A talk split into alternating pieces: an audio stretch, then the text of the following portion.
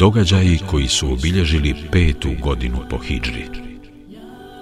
U petoj godini po vjerovjesnikovoj sallallahu alaihi veselem Hidžri desilo se puno vrlo bitnih i spomena vrijednih događaja koje ukratko navodimo.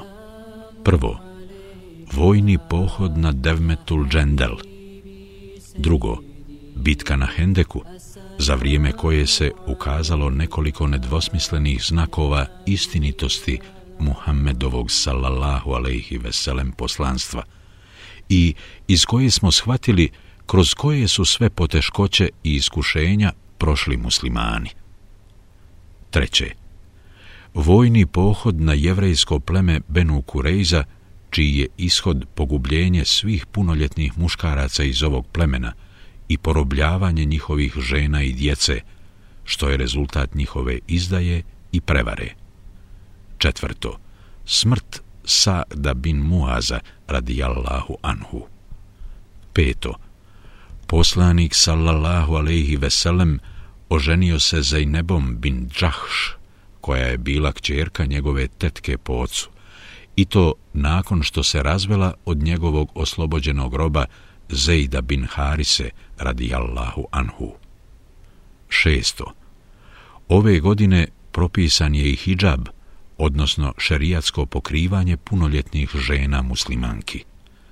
Desilo se to ujutro onoga dana u kojem se poslanik sallallahu alejhi ve sellem vjenčao sa Zejnebom, a njihov brak važećim je proglasio uzvišeni Allah iznad sedam nebesa, što je bio vid časti koju joj je svevišnji Allah ukazao zbog njene pokornosti njemu i njegovom poslaniku sallallahu alejhi ve Enes bin Malik radijallahu anhu prenosi da se Zejneba, kćerka Džahšova, hvalila pred ostalim poslanikovim sallallahu alejhi veselem suprugama. Vas su udavali predstavnici vaših porodica, to jest davali vam dozvolu za brak, a mene je udao Allah, to jest ozvaničio je moj brak i to iznad sedam nebesa. Buhari, sahih broj 7420. Sedmo.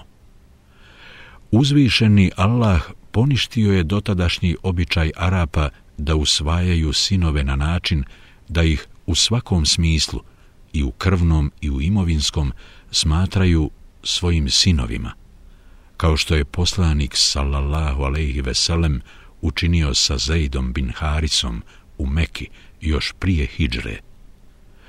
Također je uzvišeni Allah poništio i neutemeljeni običaj koji je strogo branio čovjeku da se ikada oženi suprugom svoga posinka, nakon što se on od nje razvede.